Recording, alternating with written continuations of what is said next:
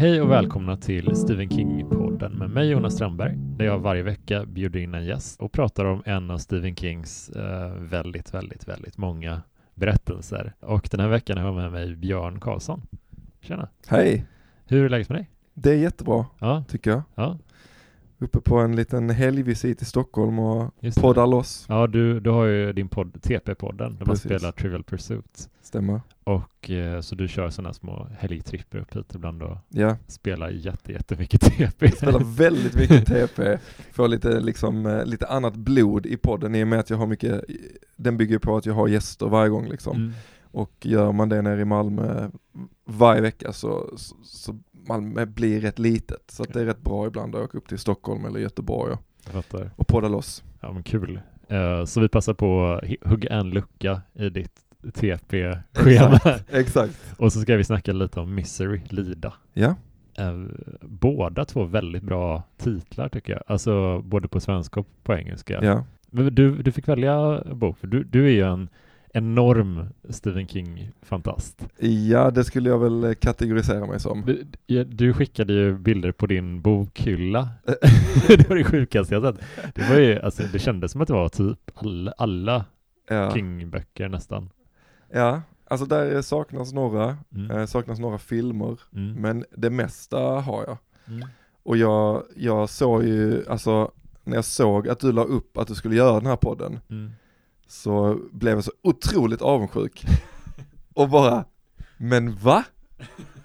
Och, så, jag, och dessutom så visste jag inte att du gillade Stephen King liksom. Mm. Så jag var tvungen att skriva till dig direkt på, hallå vad är grejen med detta liksom? För jag, jag har liksom inte riktigt hittat någon frände där riktigt. Ja, så. men jag tycker det var jättekul att jag, jag bara kände sån glädje när jag såg din hylla där för att det var så jag, jag hittade honom på riktigt skulle jag säga i, på senare år, alltså Ja. efter 2010-11 där. Eh, och sen har jag backtrackat lite till klassikerna så att eh, jag har lite bättre koll på de nyare Mm. böckerna liksom. Men du, hur länge har du eh, varit ett fan? Det är länge nu alltså. Mm. Alltså jag hade ju Stephen King-böcker när jag bodde hemma. Mm. Eh, så det är, ganska, det är faktiskt ganska många år. Mm. Eh, jag, jag funderade på om jag kunde komma på vilken som var den första jag läste. Alltså den första King som jag bara så här, för att uppenbarligen så blev jag ju fångad liksom. Mm. Men jag, jag, jag kommer fan inte ihåg det.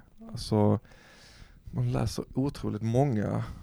Har du något eh, som var första starka intrycket av, av en King-berättelse eller en film eller en bok sådär? Någon... Ja, men det, är- alltså, det är ju Pestens tid. Mm. som jag fortfarande håller som kanske hans, alltså min absoluta favorit. Tillsammans med, liksom, ja nu kan man, då blev det ett jävla rabblande som när vi började ett, ett eh, vad är din favorit? Ja men det är den och den och den Ja. och den och den och den och den. Att man bara kommer den. på så många. Ja. Men, men ska jag säga en så brukar jag säga Pestens tid, liksom, sen älskar jag det, jag älskar Mörka Tornet, Talismanen, det finns många men, Mm. men Pestens tid kommer jag ihåg att jag liksom, det var en sån jävla upplevelse Mm. att läsa den, att jag Mm. blev liksom helt hooked. Fattar precis. på, på historien och bara ville, bara ville läsa mer och mer och mer. Det är ju den bästa känslan som finns och när man börjar närma sig slutet på den boken som man har varit så förälskad i, det är ju Mm. den mest ångestframkallande känslan. Ja, Att man vet att snart kommer det här vara över. Ja, ja fy fan. Men jag hade, Stephen King för mig har mycket funnits där i eh, Times of Crisis, i Mm. mitt, alltså så här, när man haft lite jobbigt i livet typ. Jag var, det var inte jobbigt i övrigt, men jag, jag var volontärarbetade i sex veckor i Vitryssland, sex mil utanför Minsk, Mm. när jag var typ 19-18. Eh, och eh, jag hade knappt tagit med mig några böcker och det hade läst jag ut jätte, jättefort för jag kan inte tala ryska eller vitryska Nej, och eh, väldigt få människor i den byn talar engelska. Så att jag får bara sitta och läsa, läsa och springa ja. fick jag göra. Det var lite som ett, en fängelsetillvaro nästan. fast, Exakt fast, som en fängelse. fast, väldigt, fast väldigt trevligt också. Det, Ja. var, det var godare mat föreställer jag mig. Ja. Men då fick jag låna en Stephen King-bok av en kille där, en av de få som talar engelska. Och han, då fick jag låna eh, Talismanen Mm. som han skrev med Peter Straub.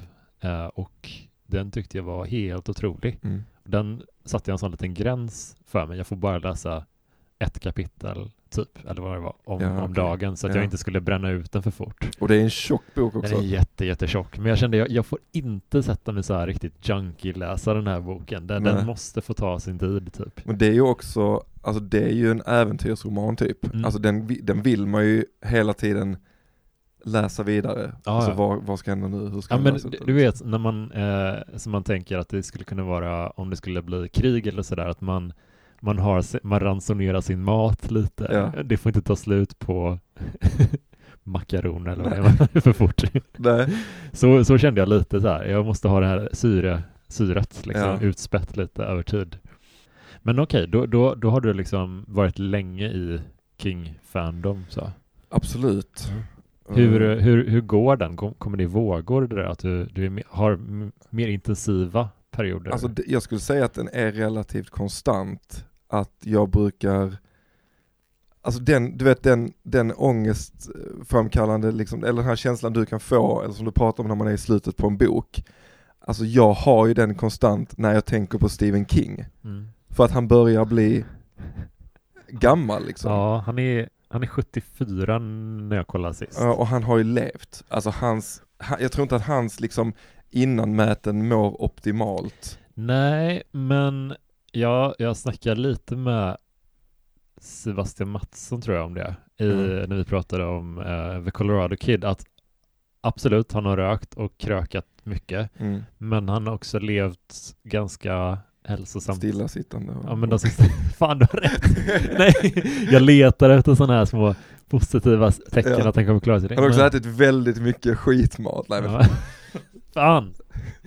Usch, ja jag blir oroligare och oroligare nu. nej men jag, för jag kan ju verkligen, alltså jag slår bort tanken att så här, någon gång så kommer den sista boken komma. Mm. Där det inte kommer en till. Och jag känner mig på riktigt påverkad Mm. av den tanken. Ja. Så att den, det har liksom varit, på, varit med mig. Eh, men jag, gör, jag brukar göra så att jag läser varannan King när jag läser. Mm. Och så läser jag någonting emellan och så tar jag en King och så läser jag något emellan. Men är det för att du ska kunna ha lite att läsa när, när dagen kommer att han, han inte finns med Mm, oss längre? men, men man kommer ju också läsa om, alltså så, här, är- Ja. så är det ju. Men, men, Mm. eh, men, jag, men jag vill inte liksom junkie läsa hans bibliotek. Nej. Alltså jag vill inte bara tugga mig igenom hans bibliografi och sen så bara, nu har jag läst allt. Utan Mm. jag vill verkligen, alltså jag har fortfarande böcker som jag såhär, köplust är en sån, needful things, som bara, som jag har velat läsa jättelänge. Men jag bara såhär, ah, den står där och den väntar. Vi liksom. håller på den. Mm, ja, men det är några sådana liksom. Gud vad, vilket mysigt förhållningssätt. Jag jag tycker det är så svårt när man hamnar i, jag har lätt att hamna i så här skov typ. Ja. Att eh, nu, nu, särskilt med podden också, att jag tycker det är genuint roligt att läsa roman efter roman och sådär. Mm. Men jag känner kanske att jag måste ha en palette cleanser inkastad rätt snart. Annars så kommer man bara bli en, eh, en sån riktigt dope fiend typ liksom. Ja. och bara sluka. Jag tycker, eh, men ett problem som jag har haft är ju också att man jämför allt man läser med honom. Mm. Alltså jag hamnar i liksom att jag läser någon annan bok och så tycker jag liksom att ja, alltså det är ju inte en king, men det är inte Nej. hans miljöbeskrivningar, det är inte hans karaktärsbyggande, men Jag tycker framförallt att, att ofta så känns eh, karaktärer ganska kalla i personligheten om man har läst mycket King innan och så läser Mm. man, hoppar man till en annan författare. För att han ingjuter som oerhörd värme i sina karaktärer. Även skurkarna skulle jag säga. mm, Nu, nu när vi har läst uh, Misery till exempel. mm, Jag kände verkligen sån stundtals lite ömmade man för Annie Wilkes som är skurken kan man få mig tveklös säga i den här. det kan man väl eh, säga ja, utan att skämmas. Ja, alltså, men okej, vi- kan bara köra plotten om man inte har uh, järnkoll på den här. Det, det handlar om en författare. Skräll. Mm. det är alltid en lärare eller en författare. Ja, oftast en författare. Ja. Ja. Och eh, han är med om en bilolycka och eh, blir räddad av en kvinna som bor ute i ödemarkerna i Colorado typ. Och hon visar sig också vara den här kvinnan, hon visar sig vara hans eh, största fan, tyvärr. Ja. Eh, Och eh, sen händer det massa Och ett riktigt psykfall också. Ja, Alltså helt sjuk i huvudet. Mm. Men hon är också, hon är gravt bipolär med så här psykotiska in, alltså episoder Ja. skulle jag, alltså utan att vara psykolog så det känns är det lite så. ja. definition av henne. Men hon, men hon det är har ju också på liksom- pappret. Ja, och hon har ju liksom nog haft ett fruktansvärt liv liksom. Mm. Så det finns väl anledningar till att hon är som hon är. Ja, det, jag tycker de skildrar henne, eh, för det finns ju en film baserad på historien som kom 1990 och Mm. den hade jag jättemycket i bakhuvudet när jag läste den. För jag, alltså, jag läste klart den typ fem minuter innan vi började spela in nu. Jag Ja. är verkligen så här jättefärskt i minne. Så, men jag såg hela tiden när jag läste eh, Kathy Bates som spelar Annie. Jag kunde inte släppa hennes eh, gestaltning. Nej. Men det är kanske den bästa castingen som har varit i en Ja. King-film. Ja, helt otroligt. Mm. För hon är, hon är en av de bästa skådespelarna som lever just nu, sk- skulle jag säga. Alltså för att hon, hon kan utstråla väldigt värme och empati, men hon har också, kan också koppla på det här svarta i ögonen. Mm. Liksom man ser att hon, det, det är något som dör inombords. Hon behöver liksom inte ha så mycket stora gester Nej. för att gestalta det. Nej. Nej hon är, den är, jag tycker även att han James Caan är också liksom Ja, han är, superbra. han är alltså det, är- det, det är väldigt bra. De- och att han ligger ner hela filmen och spelar. Han rör sig typ inte. Nej. För han, eh, författaren är också väldigt skadad i benen och Ja. liksom kan typ knappt sitta upp. Och Annie, eh, hans eh, number one fan, hon är också sjuksköterska. Eh, Mm. Numera är liksom inte anställd längre av olika Nej. skäl. Precis. Men hon kan liksom typ plåstra om honom och sådär. Så att eh, hon tar hand om honom.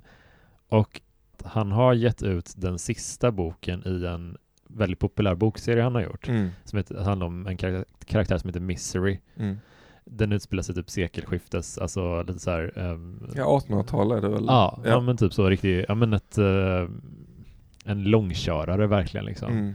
Kiosklitteratur. Ja, riktigt så. Mm. Och, och han har skrivit den sista delen i den serien och i den dör huvudkaraktären och det gillar inte Annie alls. Hon är väldigt tydlig mot Paul, då författaren, att det här var ett skitdåligt beslut av dig, du skulle inte ha låtit henne dö. Ja. För hon är mitt allt, hon är väldigt besatt av den här figuren. Ja. Och då hittar hon, i boken, så hittar hon manuset till hans nästa bok, Ja. eh, Fast Cars. Exakt. Och hon gillar liksom inte vad hon läser, hon tvingar honom att elda upp Mm. eh, den här kommande boken då och skriva en ny bok i hennes liksom fångenskap. Mm. Hon tycker att hon tar hand om honom och är snäll och gullig. Men eh, han är ju en slav. ja, och en fånge liksom. Ja. Mm. Vad, hur kommer det sig att du valde just den här berättelsen? Alltså den här är ju liksom, det är en av mina favoriter. Eh, och det är en bok, en av de böckerna av honom som jag läste absolut snabbast tror jag. Mm. Första gången för att den, den är så jävla spännande. Mm. Alltså det är som, det, det byggs, det är som liksom suspens i den som byggs upp, det är som stämning som är så jobbig liksom. Mm.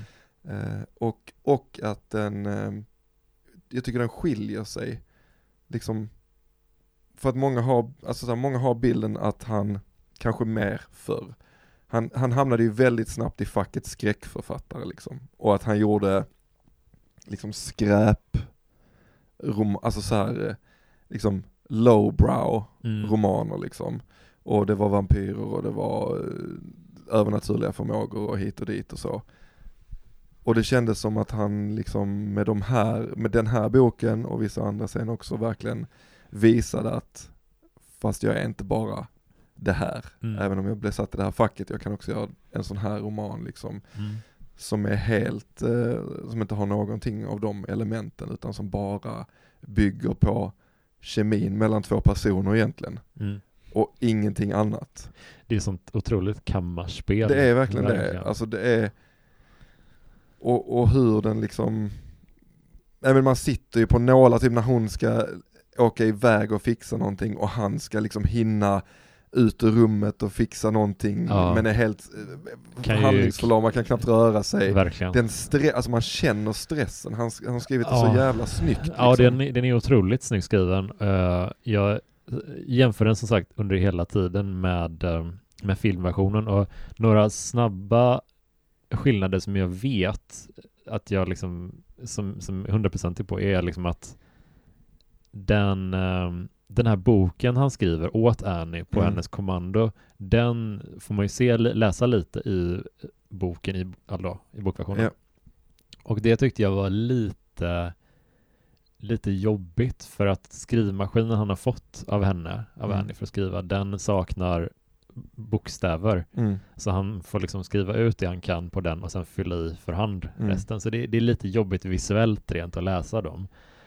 Men den har inget N. Nej, precis. Så den är, och den är, den är ju kiosklitteratur, den Mm. boken han skriver. Den, Han gillar ju själv inte de böckerna. nej, det gör han inte.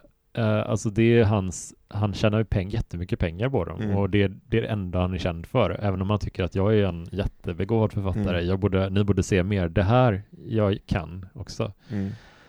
Och han blir...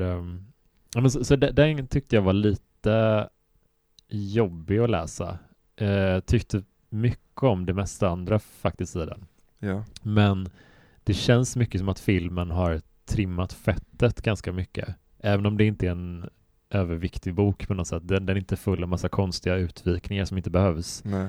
Men filmen är så jävla Men filmen är jättebra. trimmad Och det är verkligen. ju inte heller något man är bortskämd med. Alltså man kan ju gilla King-filmatiseringar för att man liksom gillar honom och man tar det för vad det är och man tycker det är kul att se. Mm. Men det är ju inte jättemånga som, som, som är sådär superbra liksom. Det är, nä- det är Där väldigt, finns några väldigt, stycken, ja men... men- det är väldigt få skulle jag säga till Ja. och med. Alltså han, om man ser hur många eh, filmatiseringar som har gjorts på Ja. hans grejer, det, det är verkligen inte tio jättebra skildringar skulle jag säga. Nej det skulle jag inte heller hitta. det finns jag- liksom några, några, några få verkligen. mm. Jag är en lite av en sucker för eh, Directors Cut-versionen av Dr. Sleep till exempel. Det är en sån riktig, som jag verkligen tyck, tycker mycket om. Alltså Ja. jag tyckte den var jättebra, men folk har delade meningar om den. Mm.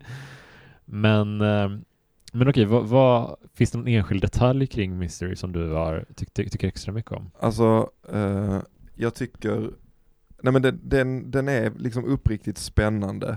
Och det tycker jag är liksom, det är rätt sällan som författare får till det. Alltså om man ska vara krass, att, att man verkligen så här sitter och så, åh nej nej nej nej nej, kom inte hem, alltså att man verkligen lever sig in i det. Jag tycker också att, alltså King har ju skrivit mycket, alltså han är ju väldigt bra på att beskriva obehagliga scener liksom. Men jag tycker att Mystery innehåller en av de absolut obehagligaste av alla, eh, alltså alla skräck, all, allting liksom. När, eh, och det är väl en, där är väl spoilervarning, men det är också något som skiljer sig mellan boken och filmen Ja, om jag minns, fel, jag eller minns rätt. Ja, jag tänker också det. Uh, okej, men spoiler nu. Om du, om, om du inte har sett filmen eller, eller liksom tänker läsa boken och whatever, om du inte vill bli spoilad, eh, hoppa fram en minut ungefär nu. Ja, Det är den scenen med fötterna. Exakt. Eh, I, I filmen så sätter hon en träbit mellan dem och slår båda fötterna ur led. ja, med någon slägga typ. Ja, i eh, boken så sågar hon av en fot. Ja, Eller hon hugger av den med en yxa. Ja, yxa är det. ja, ja, ja precis. Jag hade för mig att hon sågar men det är... Hon sågar av yxa, ja. tummen eh, också. Ja, och, och just hur det beskrivs liksom. Mm. Och det är, det, det, det blir så himla, alltså han har gjort många obehagliga scener men den är så, för han är så jävla utsatt. Ja. Alltså han ligger där i sängen och Ja. bara liksom lämnad åt henne och hon är så fruktansvärt elak, Ja, alltså und ja, hon- mot honom. Jag tycker hon eh, skildras så oerhört bra i boken. Eh, och hennes humör, det är lite svårt att beskriva. Det, det, det är väl, hon är väldigt lynnig. Extremt lynnig. Alltså hon kan gå från att ha perioder av att vara eh, väldigt eh, moderlig Mm. eh, gentemot Paul. Liksom att hon tar hand om honom och liksom ö- ömmar, alltså så här, gör honom Mm. medicinerna och, och, s- lägger om hans sår och sådana grejer. Men sen kan hon bara tappa humöret på stående fot typ. Mm. Och det är något med hur snabbt det går mellan de här. Jag har ju såklart eh, känt folk som har haft lite sådana, inte sådana men som har haft mycket humörsvängningar. Mm. om man håller på med stand-up eller liksom sådär, då är det, det är mycket människor som är lite så. Ja. Men inte riktigt så här. Det är ju som skönt tur är. som tur är. Ja. Men eh, hon kan ju komma in i rummet och vara bubblig och god. Ja. Och sen så kanske han råkar säga någonting lite konstigt, Mm. tycker hon. Och då Och- tappar hon humöret bara. Eller så blir hon först inte svart. mycket. Nej, och hon, det värsta tycker jag inte är när hon bara snappar på honom, utan när hon, han beskriver King ibland hur Annie bara kopplas bort lite. Mm. Att hon inte hör någonting och att hon bara, hon bara är helt frånvarande några Ja. sekunder. Och sen så är hon tillbaka i rummet igen. Och det, det är så konstigt att hon bara försvinner ur sin egen kropp och sin men, alltså, Ja. hjärna på något sätt. Och sen är hon tillbaka. Ja, nej men jag, jag tycker det, den boken är liksom den är, den är relativ, eller den är inte kort, men det är inte en av hans liksom tegelstenar. Den är väldigt liksom stringent, det är väldigt så här tydlig historia Ja. framåt och den liksom får ett ordentligt slut och den är, alltså så här, jag, jag tycker den är så jävla snyggt skriven från början till slut. Ja, och det, det häftigaste ty tyckte jag nästan var hur jag gav ju filmen lite cred för att den är väldigt effektiv och trimmad, Ja. men boken börjar ju med att han vaknar upp hos Annie. Mm. Att hon ger honom konstgjord andning för att han ska Mm. vakna till liv. Och han beskriver det, jag har inte den exakta formuleringen nu, men han beskriver det ungefär som att hon våldtar honom tillbaka Med till sin livet. luft liksom. Ja, och det är så Mm. jävla, uh, man bara, han vill inte tillbaka. Nej. Han vill inte ha henne där, han vill liksom inte, det är så oerhört Och, otäckt. Och han beskriver, det är också sån jävla snyggt grepp att han beskriver hennes typ andedräkt och att, att den luktar fruktansvärt men han beskriver det genom att jämföra den med typ så här vaniljkola, alltså sådana Mm. saker som är ganska, så här, luktar ganska gott men Mm. i den kombinationen han säger det och på det sättet han skriver det så bara får man så, åh fy fan alltså det blir, det är så jävla Ja. snyggt. Jag tänk, reagerade mycket på hur han beskrev Annies fysik typ. Mm. Hennes första, när hon gör entré tidigt i boken. Han eh, särskiljer henne från andra kvinnor liksom, på så Ja. vis som att hon inte har en inbjudande kropp typ. Mm. Eh, alltså det, det är något med det som bara, hur, jag tror inte att det ligger i Kings kvinnosyn nödvändigtvis, men jag tror att det kanske är någonting med hur Paul ser på kvinnor eventuellt. Ja, ja jag men- reagerar lite på det, det var liksom Ja. att hon är väldigt Att hon är liksom kurvig och sånt men inte på ett liksom, härligt sätt. nej precis. Att det, det är verkligen att han noterar ändå, han, det slår henne tanken, ja. Liksom någonstans. det känns som ett väldigt manligt perspektiv på henne. Ja, ja men någonstans ändå att, okej, jag vill inte ligga med henne, okej. Nej. Alltså att han ändå tänker det ja. och tittar, på, när han tittar på henne.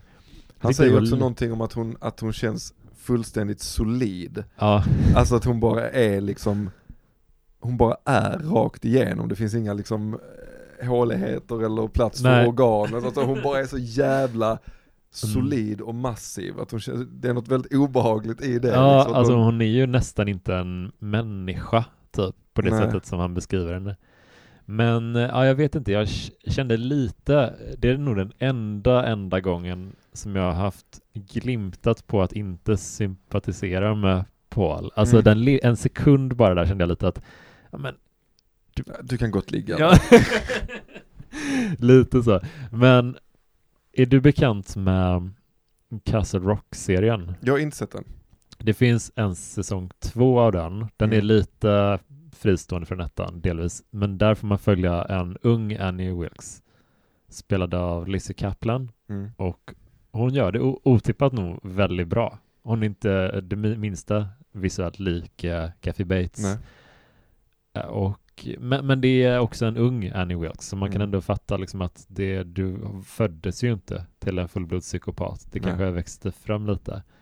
Så den tycker jag är lite underskattad och den klickar ganska bra med både boken och med filmen som en prequel lite grann. Mm. Eh, ja men det, det kan jag rekommendera. Ja men det jag kommer absolut uh, se det. Alltså jag kommer ju någon gång försöka konsumera, alltså se allt och läsa allt liksom. Mm. Jag, bara- har du någon sån, om man inte tänker lida men, men när man tänker generellt King, något, någon sån scen eller någonting som du tänker, alltså, det här är fan det, det här är det obehagligaste. Ja, det är en eh, när jag, jag sköt länge framför mig och se djurkyrkogården. Mm. Eh, alltså, när jag var liten, vi hade den länge hemma, men jag vågade inte se den. Nej. När jag till slut vågade se den, tror med min kompis Tommy kanske, så eh, när vi kommer till den här scenen där pojk, de har begravt den här pojken, han har kommit tillbaka från de döda och är inte sig själv alls. Mm. Nej. Och han gömmer sig under sängen, den här granngubben går förbi Mm. och man får se en närbild på häl, alltså hälen, hälsenan. Mm. Och pojken bara lägger ett snitt med ett rakblad rakt över hälsenan. Ja. Det är en sån, det är så äckligt så jag bara, det är inte speciellt grovt så egentligen, Nej. men det är något som bara hugger tag i en på något sätt. Ja. Det är inte dödligt våld, Nej. eh, men man känner ändå i hela kroppen att det, För det, och det är lite så med den här Lida också, Mm. eller så, här är det ju mer våldsamt såklart, men, mm, men det är, de värsta är inte de här när han liksom beskriver att någon får en sten i huvudet och dör och ögat hänger på kind, alltså så här, Mm. de, utan det är de här lite mer subtila grejerna. ja, Jag har en som är, måste ta bara, eh, i den boken som jag kanske tycker allra minst om mm. av King, eh, Knackarna. Vad Eh, handlar den om? Tommy Jag har aldrig, aldrig läst den. Men det handlar, alltså det är också konstigt för att den är jätte, jättetjock Mm.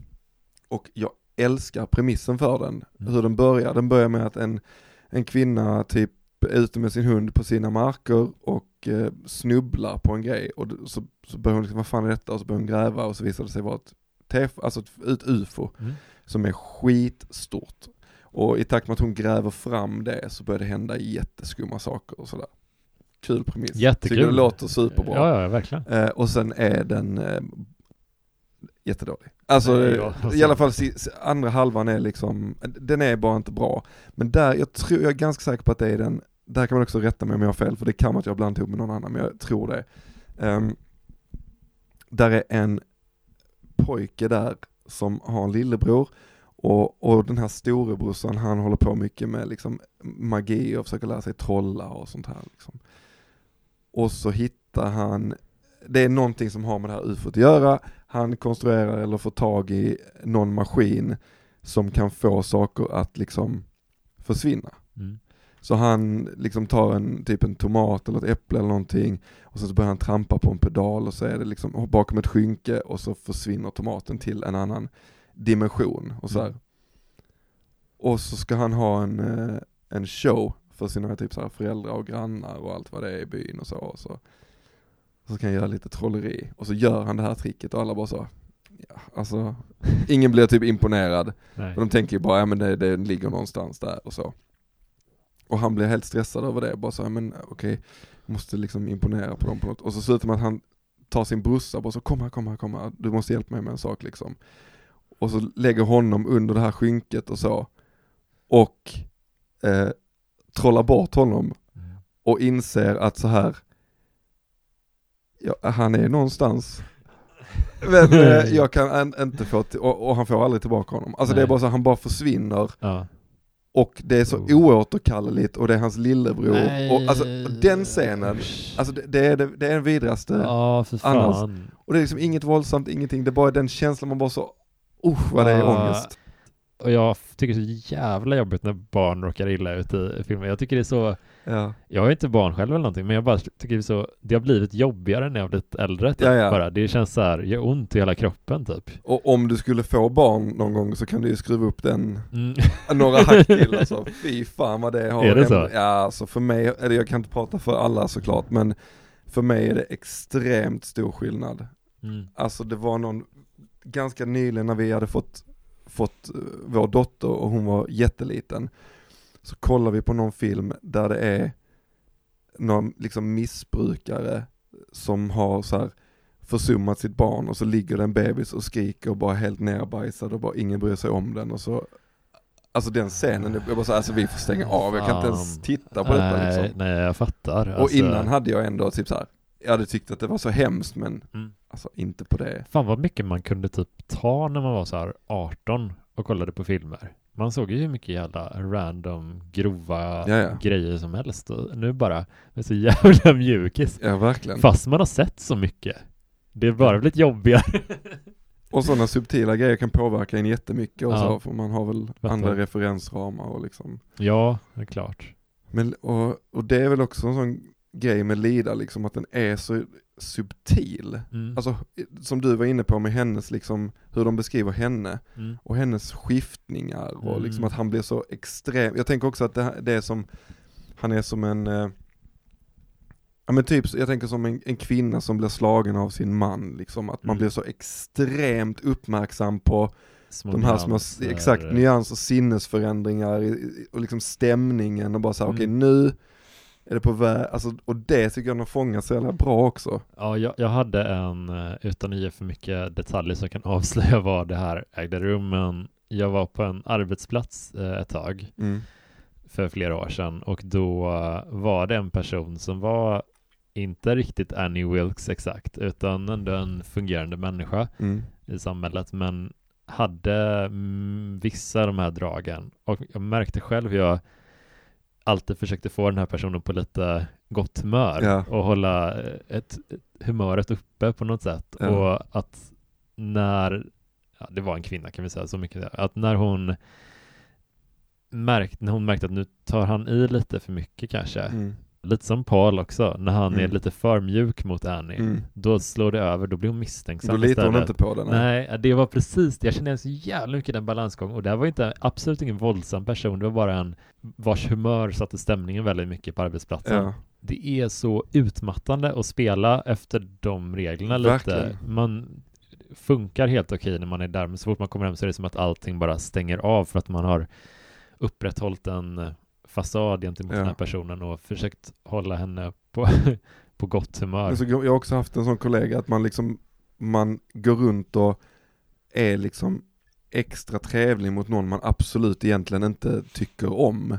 Mm. För att så här, oh det är bäst att eh, liksom, Ja. så blir det som att man hela tiden ska vara på helspänn. Åh gud, ja. Om man, man hittar sådana här små, man vet vad den personen tycker är lite, lite småroligt kanske. Ja, Och så man får allt, ofta in samtalsämnet på någonting som ska vara som inte ska väcka för mycket känslor och Nej. agitera den andra utan som ska vara lite härligt bara. Det är Ja. otroligt hur utmattande det är. ja fy fan.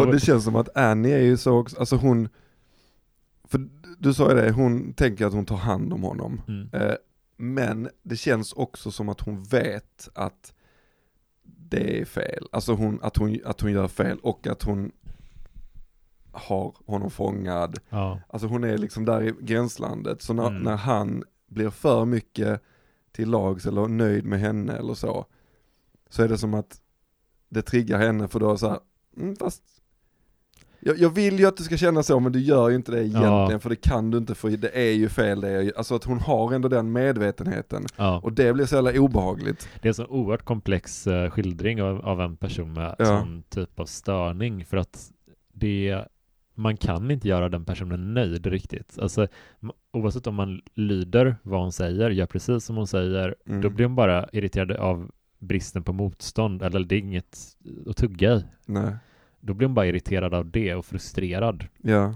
Och om man motsätter sig henne så blir hon arg. Alltså det, det är helt omöjligt och, och, och han, han är ganska bra på det ändå. mm. Han, han, han blir en sån, han har ju sånt stort, stort övertag. Alltså i och med att han har skapat hennes absolut, absoluta favoritkaraktär Ja. någonsin. Så han köper sig väldigt mycket tid med det. Mm. Att han kan, han är den enda som håller Misery lida vid liv. Mm. Och hon kan liksom inte göra precis vad hon vill med honom av den orsaken. Men Nej, nej. hon gör rätt mycket grova grejer med honom ändå. Ja, efterhand. Ja, precis. Hon, hon, det blir det steppas upp lite, men hon jag tycker typ inte att, alltså jag tycker absolut boken var grövre än filmen. Mm. Definitivt, men det var inte inget, inga sjuka våldsskildringar riktigt. Det är ett par, ett par fåtal scener. Ja. Men det är mest den här närvaron av henne, att han är fångad i hennes hus, hon kommer och går lite randomly. Mm. Jag kan bara tänka att, att man har fått den uppgiften att sitta och skriva om man är där, även om man skulle komma in i ett flow någon gång, så kan ju hon komma in när som helst. Hon kommer ju och går hela tiden.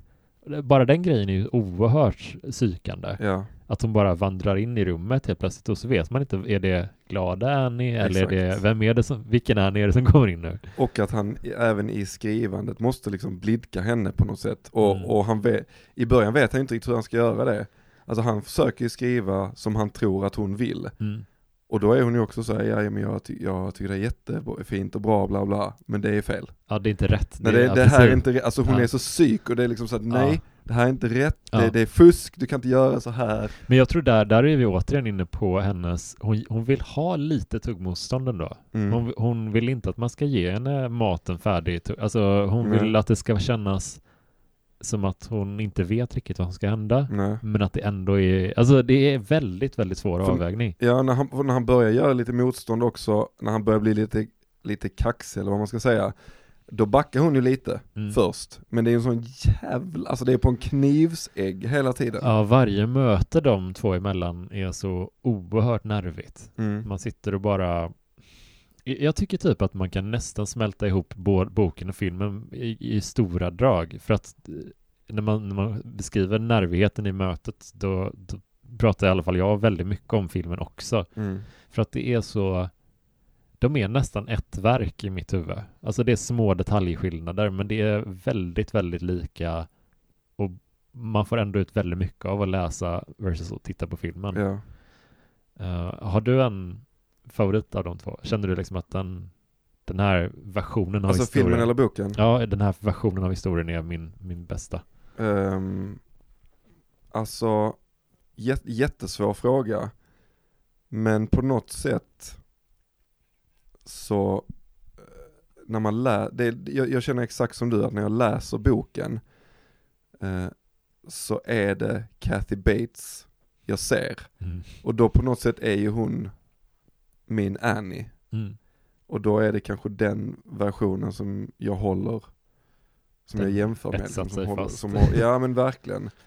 Ehm, men äh, jag tycker det är svårt, jag tycker båda är väldigt bra och det är Ja. ganska, som, som, som vi pratade om innan, väldigt ovanligt. Att, eh, för även de King-filmatiseringar som man tycker är ganska bra, Det till exempel, Ja. så är ju boken mycket bättre. Ja, Alltså- och jag tycker att i fallet uh, The Body, The Stand, eller nej, The Body och Stand By Me, Ja. att filmen är väldigt mycket bättre. Mm. Alltså väcker mycket mer känslor och eh, så att parningen film och bok, Mm. den har ald- kanske aldrig varit så stark som i, i eh, Misery. Nej, Att båda två är så extremt starka Nej, skildringar. där är ingen som, eh, Jätte, alltså ja, det är fan lite unikt på något sätt ändå. Nyckel till frihet också bättre film Ja, än, än liksom novell Ja. skulle jag säga. ja verkligen. Även om den också är bra men inte, alltså, Men man märker ändå att en är bättre Ja. än den andra. Ja, verkligen. eh, men det, var, det var kul och jag har, inte, jag har inte läst hela nu igen, Mm. men jag har läst lite grann i den.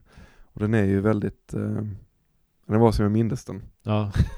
Det är väldigt liksom, eh, De hade en, ehm, en, alltså han är ju väldigt förtjust i King med sådana här ehm, eh, crossovers. mm, Det finns en som jag bara, i den här, kanske fler, men en som jag vet. Den här när Annie berättar om den här konstnären hon, det är typ i mitten av boken Mm. kanske. Hon berättar om en konstnär som hon har haft någon typ av relation med, som Mm. har bott hos henne.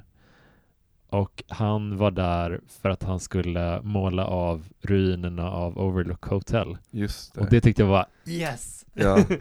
och det blir som i, man blir som en sån dum Marvel-fan när man säger åh, kolla där är Stan Lee! Ja. Eller där är, det är Tors hammare på det där museet, alltså sådana grejer. Ja.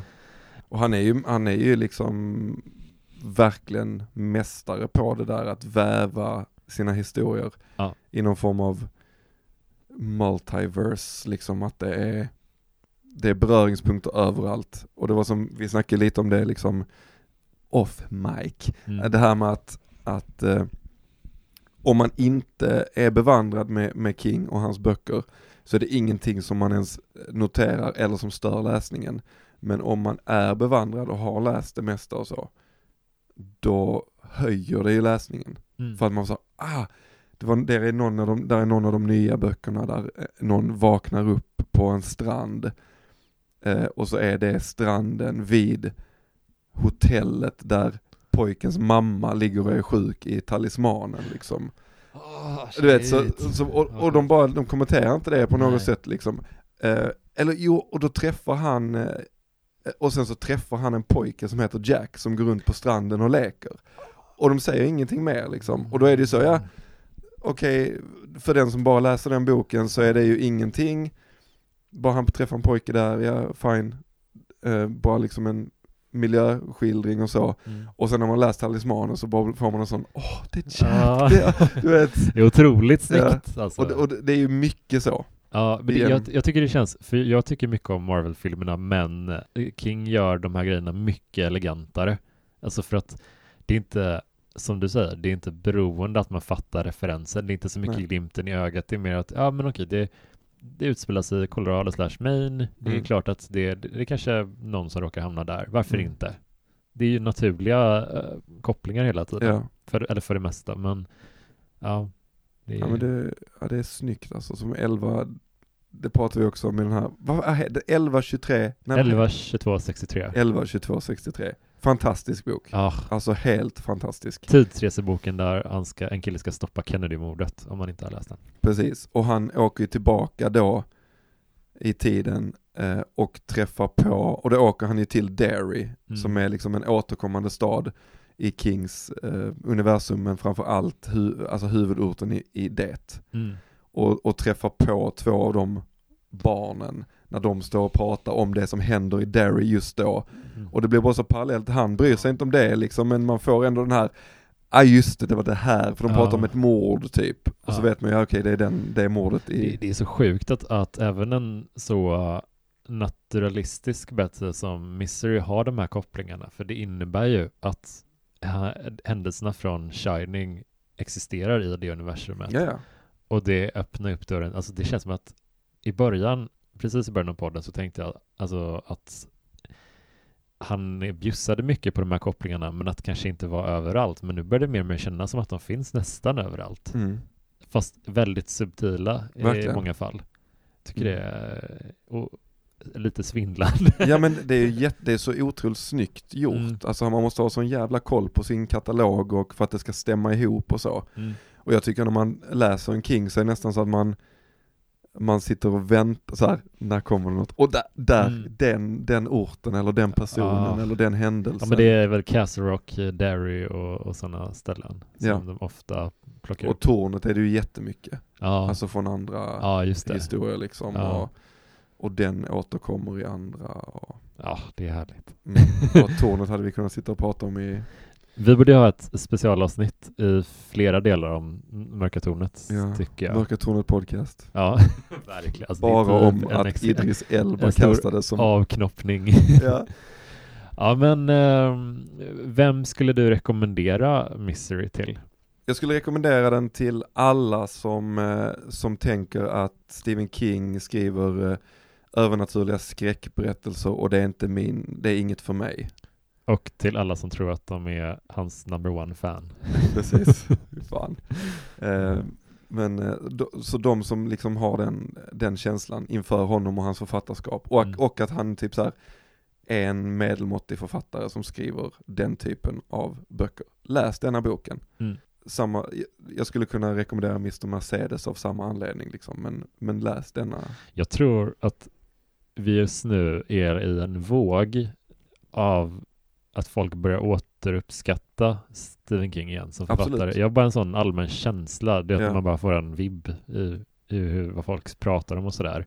Att folk har nog alltså, mer och mer börjat lite få upp ögonen för att fan, han kanske är... Jag tror han är kreddigare än någonsin, Ja. faktiskt. Mm. Den känslan har jag i alla fall. Mm. ja. Det är svårt att sätta exakt, eh, alltså exemplifiera så mycket, men det är, Mm. ja, att man bara, Han, det, ju- just, spindelsinnet varnar. Lida är ju också, alltså det, för, för, frågan är om, för jag har funderat på det där med Paul, att han är liksom fast i det här att skriva de här böckerna.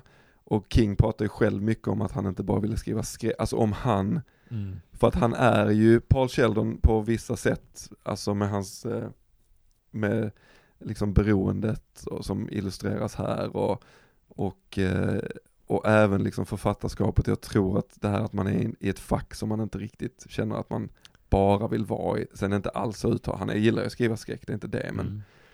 men jag undrar liksom hur mycket som är en kommentar på, på Ja, han bara vill att alla stans ska bara hålla käften typ. Och Ja. att de, det, det är så många, alltså det känns som att möt, vissa möten med Annie, som, några av de icke-våldsamma mötena, Mm. det, det är så, hon är, vad heter det, entitled, eh, berättigad. Ja. Alltså hon tycker att hon är berättigad till eh, rollfiguren Misery, att Ja. hon kan bestämma vad, vad ska hända med henne och att hon kan avgöra vad som är bra och dåligt. mm, Hon har ju bara läst Misery. Hon, har ju, alltså hon läser ju typ inget annat. nej, Hur kan hon på något sätt avgöra vad som är bra och dålig litteratur?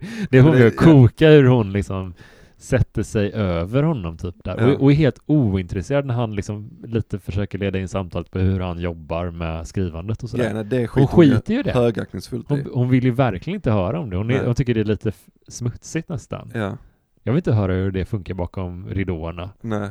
Men det, han, han pratar väl om det, att det, det känns som att hon tycker att det gör Misery overklig på något sätt. Alltså Mm. det, här, det är ett hantverk bakom henne. Ja. För, för Annie finns hon ju typ, alltså på något sätt. Mm. Där är en, alltså jag måste bara, en annan grej som jag tycker är så extremt snyggt i Lida, eh, är ju hur han beskriver, alltså smärtan i benen. Och han, han pratar om att det är som två liksom pålar som står i vattnet. Och när han tar tabletter och smärtstillande så sköljer liksom tidvattnet över de här Mm. och då gör det inte ont. Mm. Och sen så börjar tidvattnet dra sig tillbaka och de här pålarna sticker ut ur vattnet och jag bara, Mm. alltså jag, kan, jag tycker man kan, alltså det är en så jävla snygg beskrivning, Ja. man kan känna liksom, det känns som så här benpipor som är helt blottlagda och Ja. någon bara, Det är så ah, extremt målande verkligen. ja alltså och, och det är så snyggt och så liksom enkelt på något sätt, men man får en sån himla tydlig känsla av bara, fy fan nu, Ja, jag, jag tyckte det var så oerhört, det, det jag tog med mig mest från, från den här boken var att att hur han så ganska snabbt kunde bli en så oerhört säker berättare. Det, den, jag tycker inte att bokversionen är felfri. Jag hade gärna kapat lite av Mm. Misery Returns berättelsen som han skriver. Inte helt förtjust i den, men, men i övrigt så det, det är verkligen liksom den är bara full fart Mm. hela tiden. Alltså den, ja, riktigt tempo fast den bara, han bara lever stillaliggande och allt utspelar sig i hennes hus. ja. Så det är konstigt att en sån berättelse kan kännas fartfylld, men det gör den. Och så är den så väldigt rå och avskalad Mm. när den liksom behöver det. Mm. Att, eh, ja, nej, det, man skulle som, som vi pratade om innan också när vi skulle bestämma bok, det finns ju jättemånga böcker som, som man håller väldigt högt och skulle kunna prata om i Mm. ett avsnitt. Men eh, den här är absolut en av dem. Vad kul att, eh, att du ville gästa min podd och prata om vad den här boken. kul Det var jag- superroligt. Alltså det var också kul att vi gled in lite på, på sidospår också. Det, det blir lätt så med, med King. Ja, verkligen. och jag är glad att ha hittat en eh, Stephen King-kompis också. Ja, det, detsamma. det känns jättebra. Jag blev jätteglad, jag, som du sa, jag blev väldigt avundsjuk när jag förstod att du hade podd om det. Eh, väldigt glad eh, när man fick möjlighet att vara med och prata och nörda sig och att någon annan är liksom lika typ frälst som en själv. Ja, du får jättegärna vara med någon mer gång om du vill. Det, Ja, men- Jag såg ju som sagt din bokhylla. det- Kan vi lägga upp en bild på den i någonstans? Ja, jag kan, jag kan eh, arrangera den lite snyggare och Ja. skicka en, eh, Okej. en bild. nice. Eh, absolut, det kan vi göra. Uh, men fan vad gött. Men uh, ja, tack för att du var med och eh, tack för att du har lyssnat på den här podden. Och om du har sett uh, Mystery-filmen eller läst boken, berätta gärna vad du tyckte om så kan vi snacka lite i kommentarsfälten här och bara jag tycker det ska vara lite som en, en bokcirkel det här lite Mm. också. Det är lite, lite mysigt. Jag tror ju att folk kommer, nu vet jag inte, alltså nivån på spoiler och sånt där, men, men eh, det kommer ju vara folk som blir jättesugna på att läsa de här böckerna. Men jag hoppas det. Särskilt, alltså det är lätt att bara eh, att, att plocka några av de sämre berättelserna, men det är inte så många av hans skrivna berättelser som är så dåliga. Det är ju filmatiseringarna som är bottenskiktet. Mm. Så jag tänker att om man gör, jag har ett avsnitt inplanerat som kommer om några veckor med, om uh, The Mangler till exempel, Ja, som är en 18-sidig novell och en en timme och 45 minuter lång eh, film. Som Robert ganska... Englund va? Ja, Robert Englund. Ja, precis. Den här Mm. filmen om mangen som dödar om man droppar blod på den. Mm. den, Inga konstigheter. den ser jag fram emot också. Men det är också väldigt uppiggande att läsa så mycket bra och spännande böcker. Mm. Eh, det, är inte, det är inte en kalkonkung vi snackar om. Liksom. Är, han har ju några sådana, men det är inte många. Nej faktiskt inte. fint. Men, eh, ja. Hej då! Hej då.